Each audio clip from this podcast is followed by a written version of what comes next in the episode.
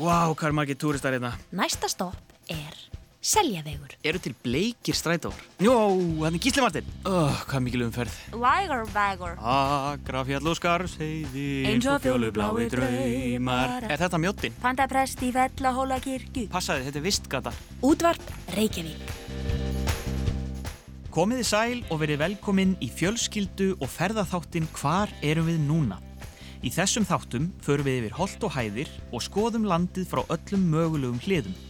Við fræðumst um hvern landsluta með aðstóð ungra ferðasérfræðinga og heimamanna, förum í skemmtilega bílaleiki, hlustum á þjóðsugur sem gerast í hverjum landsluta fyrir sig og endum á æsispennandi spurningakeppni fyrir alla fjölskylduna. Ég heiti Jóhannes. Og ég heiti Ingibjörg. Ingibjörg, hvar erum við eiginlega núna? Við erum komin á höfuborgarsvæði. Já. Hér býr meir en helmingur íslensku þjóðarinnar. Svo hér eru rosalega mörg börn. Skólar, leikskólar, íþróttafélög og frísundamistæður. Fullt að gera sjá. Mm -hmm. En býtu, höfuborgarsvæði, er þetta ekki bara Reykjavík? Ég sé Hallgrímskirkju hérna. Já, nei sko, Reykjavík er bara eitt hlut af höfuborgarsvæði. Mm. Það er önnu bæjarfélög sem saman mynda höfuborgarsvæði með Reykjavík. Það eru Kjósarheppur, Mósvöldbær, Seltjarnanes, Kópavúr, Garðabær og Hafnafjörður. En vá, hér er umferðmaður. Mm -hmm. Það hlaupa engar kindur yfir veginna hér, eða, eða hvað? Ég hef alltaf aldrei séð það að gerast, sko. Nei. Gæti einhvern tíma að gerast. Já, kannski ættum við bara að leggja bílnum og ná í hjólið. Já, gerum það. Eða fara í strætó. Já, förum í strætó. Strætókerfi næri yfir allt höfuborgarsvæði, svo við getum nú skoðað freka mikið. Já, en hvað er það að skoða? Áðurum ákveðum hvert við förum, skulum við heyra í heimamennum og sérfræðingu þáttarins. Velkomin að Seltjarnanes. Velkomin á höfuborgarsvæði. Velkomin á höfuborgarsvæði.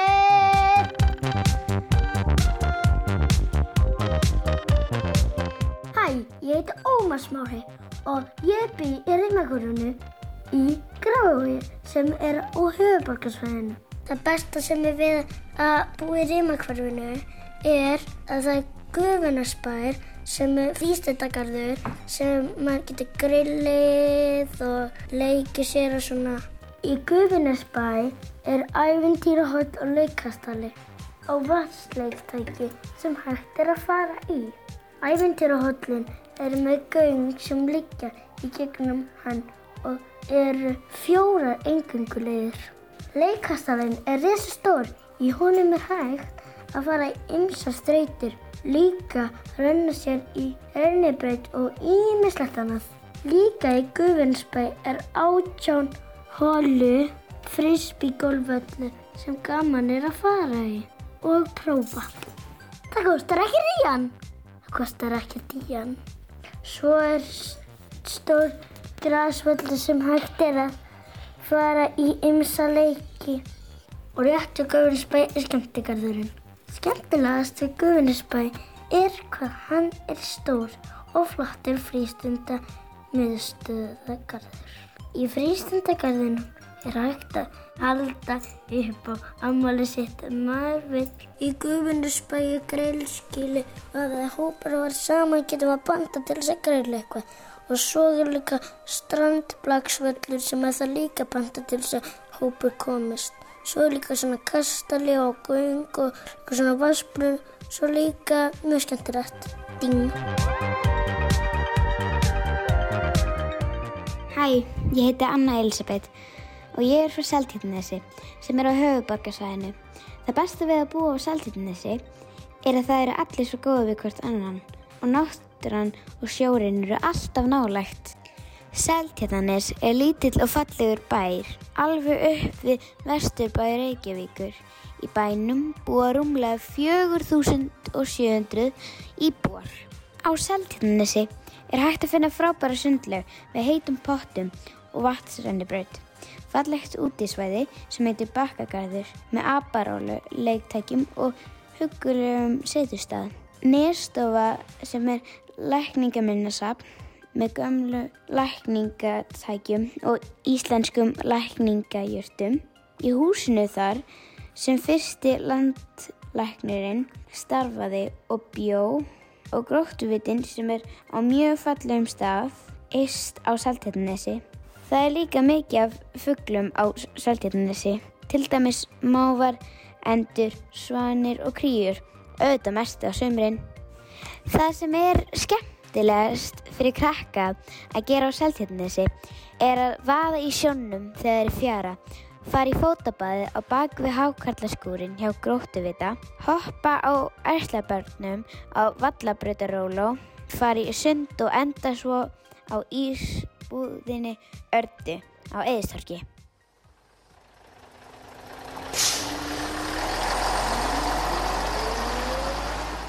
Heyrðu, við verðum að skella okkur í sund, Já, en það eru svolítið margar líkar. það er svolítið marga lögar. Ég held að það sé best að taka þetta bara í stafrósvið.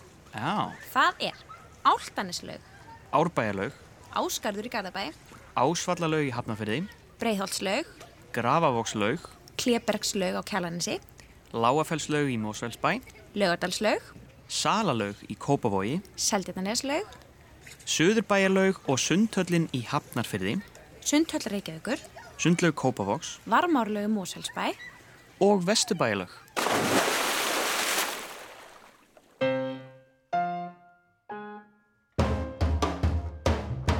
Velkomin á höfuborgarsvæðið. Ég heiti Gunnar Karl og ég er frá Áltanesinu sem er á höfuborgarsvæðinu. Fyrir krakka er skemmtilega að fara á hlið og leika sér þar. Þar getur maður líka sér rísa stóra gullfiska sem synda um í svona fiskabúri. Það besta við að búa á Altanesi er að það er stutt út í náttúruna og það eru margir leikvöldir og góði skóli. Á Altanesinu er hægt að finna gæsir en samt ekkert venjulegar gæsir. Þær heita nefnilega margæsir og þær eru svo, svolítið merkilegar að því að þær eru ekki eins og svona gráar gæsir. Þær eru brúnar, hvítar og svartar. Þegar hún verður fullvaksinn verður hún með hvítan blett á hálsinum. Svo er hún brún á bringunni og hvít á maganum með svart stél. Svo er hún með brúnt bak líka. Það er margt skemmtilegt hægt að gera á Áltanesi. Til dæmis að fara niður í fjöru. Líka það er hægt að sjá risastórin stein í fjörunni og það lekur vatn úr honum. Það verður svona lítill svona bogi eiginlega í sandinum og vatni lekur inn í hann og beint út í sjóin. Svo er líka hægt að fara í sundlaugina, það myndi fara í rennibrautina og svo er líka hægt að æfa sig að synda í lauginni, æfingalauginni og það er til dæmis líka hægt að fara í golf, það eru tveir risastóri golfvellir. Ég heiti Valgerður Kristín. Ég er nýjar og gömul og bý í Hafnarfirði sem er á höfuborgarsvæðinu. Ég hef búin að búa í Hafnarfirði síðan ég var fjögur ára. Það sem ég er skemmtilegast að gera er að föndra, fara í fókbólta, hjólum bæinn, lesa skemmtilega bækur og leika við vinkonum mínar. Það besta við að búa í Hafnarfirði er að það er alltaf eitthvað að finna eitthvað skemmtilegt að gera. Hér eru mörg leiksvæði fyrir krakka, til dæmis hellisgerði, víðstættún og margir leikvellir með fjölbreyttum og skemmtilegum leiktækjum, hver öðrum skemmtilegri. Hér er raun út um allt sem gaman er að klifra í og leika sér og fara í féluleik. Maður þarf samt að fara varlega en æmingin skapar meistaran. Hér í Hafnarfirði eru líka góð kaffihús og geggjaðar ísbúðir. Á kaffihúsunum finnst mér best að fá mér súkulæðköku og mjölkuglas en í ísbúðunum fæ ég mér mango og hundberjaís. Sumir segja að það búi álvar og huldufólk. Hvort sem það er satt eða ekki, þá skiptir máli að ganga vel um, sína umhverfinu virðingu og taka allt rusl með sér eða setja í tunnu. Það er ekki hægt að tala um hafnafjörð án þess að segja nokkru hafnafjörðarbrandara. Við erum svo fyndin og skemmtileg hér í hafnafjörði. Nú er mér að segja hægt að fara í brandaragöngu sem er að finna í appi sem heitir VAP. Hér eru nokkri góður. Veistu, af hverju hafðfyrringar þyrpast niður fjöru fyrir jólinn? Svo þeir missa ekki jólabókaflöðinu. Veistu, af hverju hafðfyrringar setja alltaf stólut og svalir á kvöldin? Svo sólinn getur sastu þetta. Veistu, af hverju hafðfyrringar opna alltaf mjölkuferðinar í búðinni? Af því að á ferðinni stendur opnist hér. Veistu, veistu hvernig þú þekkir haffiskan sjóræningja? Hann hefur lepp fyrir báðum augunum. Vissist þú að bræðinni Jón Jónsson og Freyrik Dór eru frá Hafnarfjörði? Að Bergrun Íris Sævarsdóttir, rítvundur, er frá Hafnarfjörði? Vissið þú að í Hafnarfjörði er talað um að ramba en ekki vega salt? Vissið þú að haffyrðingar eru kallaðir, gablarar? Ef báði fóreldrar eru uppaldir í Hafnarfjörði þá er maður gablari. Ég er þess vegna bara hálfgerður gablari því bara pappi er uppalinn í Hafnarfjörði. Við erum velkomin í Hafnarfjörð. Ég heiti Valgjörður Kristín, góða stundir í sumar.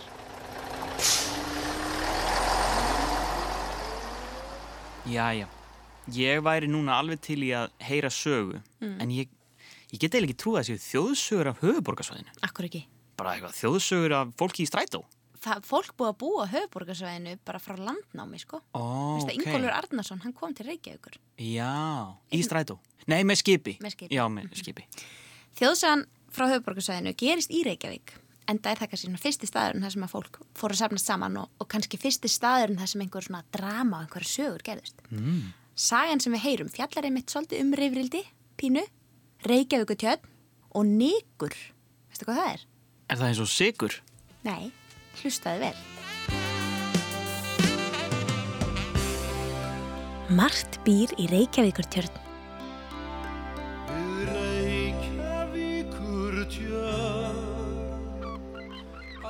Reykjavíkurtjörn varð upphaflega til sem sjávarlón við fjöruna í Reykjavík en smá saman stækkaði svæðið milli lónsins og fjörunar og síðan risu þar fyrstu húsin í Reykjavík.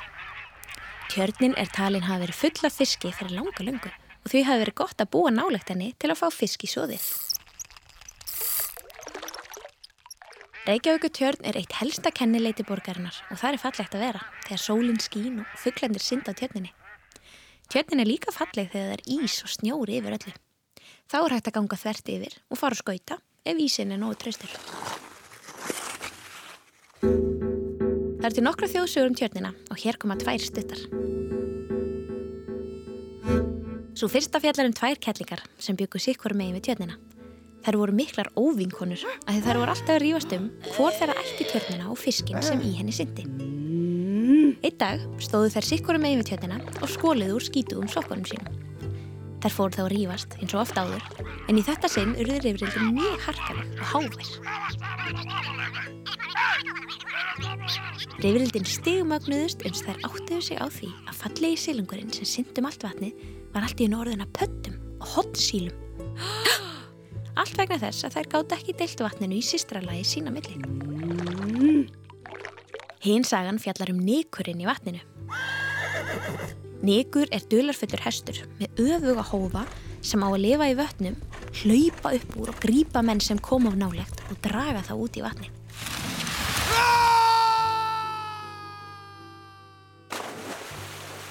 Nikurinn í Reykjavíkutjörn á víst að vera þar annarkvert ár, en hitt árið í Havravatni í Mórsfellsbæ. Menn sögðu að hann hafði grafið sér neðanjarðargöng milli vatnana tvekja og ferðist þar á milli.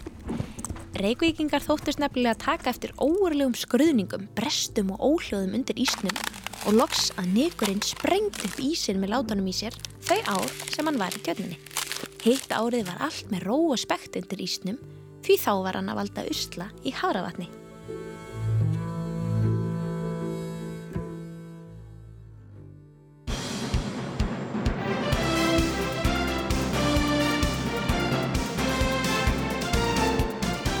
Velkomin í spurningakeppnina Hver er með svarið?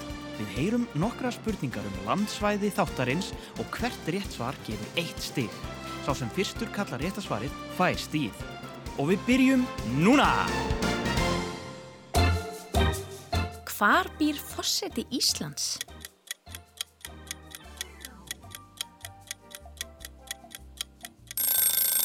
Á Bessastöðum. Á höfuðborgarsvæðinu og í raun öllu landinu hefur gripið um sig æði fyrir ákveðinni íþrótt. Keppendur kasta ákveðnum hlut í körfur sem eru sumar staðsettar á mjög snúnum stöðum, til dæmis hinum einn við læk eða innst í skógi.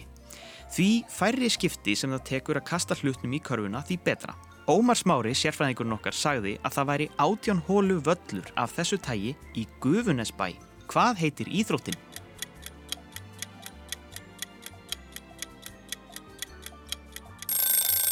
Frisbeegolf eða folf. Hvað heitir hæsta kirkja Reykjavíkur og í raun höfuborgarsvæðisins sem gnæfir yfir borgina og er frægasta kennileiti hennar?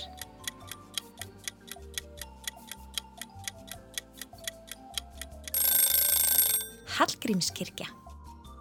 Anna Elisabeth, sérfræðingurinn okkar, sagði frá fallegum stað þar sem er heit laug og hægt að fara í fótabað, skoða vita og fara í göngutúra. Hvað heitir staðurinn? Vísbending. Íþróttafélag Seltjarnanes heitir eftir þessum stað.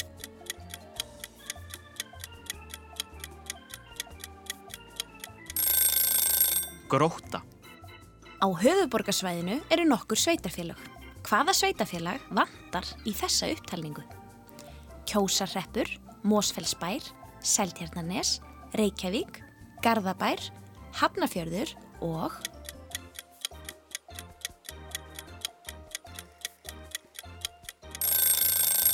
Kópavógur. Á Hafnarbakkanum í miðbæ Reykjavíkur stendur risastórt glerhús með ótalmörgum gluggum af öllum stærðum, gerðum og litum.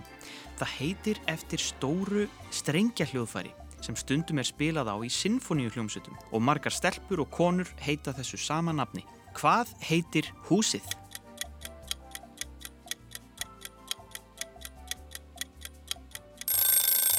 Harpa. Hvað heitir fótboltavöllurinn þar sem íslensku landsliðin keppa og æfa?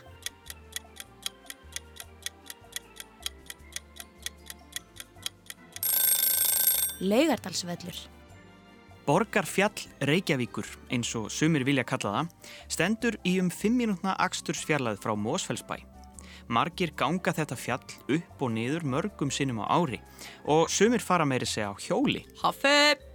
Ef maður treysti sér ekki alla leið upp eða ef veðrið er ekki nú gott er hægt að stoppa hjá steini og kasta mæðinni áður en maður fer aftur niður. Hvað heitir fjallið?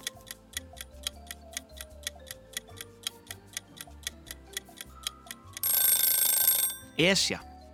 Hvað heitir einn stærsta strætóstoppistöði Reykjavík sem er ekki miðbænum heldur í útkverfi Reykjavíkur sem heitir Breiðholt?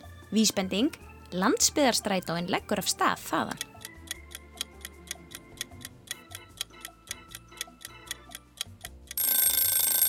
Mjótt. Á túnunum á Áltanesi sést oft afar sérstakur fuggl. Hann er ekki eins og aðrir fugglar af skildri tegund heldur öðruvísi á litin. Gunnar Smári, sérfræðingun okkar, sagði okkur frá fugglinum hér áðan. Þetta er ekki mörgæs, heldur...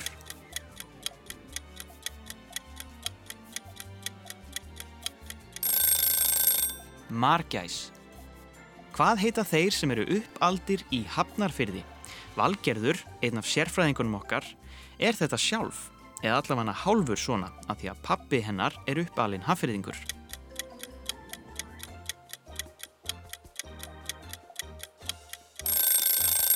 Gablari.